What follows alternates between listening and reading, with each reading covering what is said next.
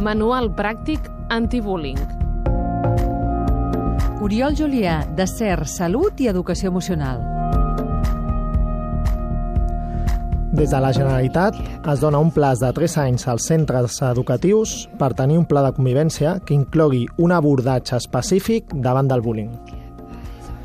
Aquest pla de convivència es mou a partir de factors de risc, és a dir, anar a abordar situacions concretes que creiem que poden passar, factors protectors, tot el que podem fer perquè aquestes coses no passin, o actius de benestar. Fem un programa de prevenció que baixi actius de benestar. Tenim un programa de prevenció que realment eh, sigui útil. Sabem totes les eines que ja es proposen i que hi han que realment són bones per abordar el tema de l'assetjament escolar. I tenim eines de detecció i tenim eines d'actuació des de la Generalitat també s'han de posar aquests recursos. S'ha de veure tot el que ja s'està fent.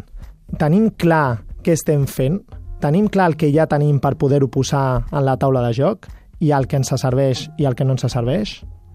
Des de la Generalitat també s'han de posar recursos, inclosos els econòmics.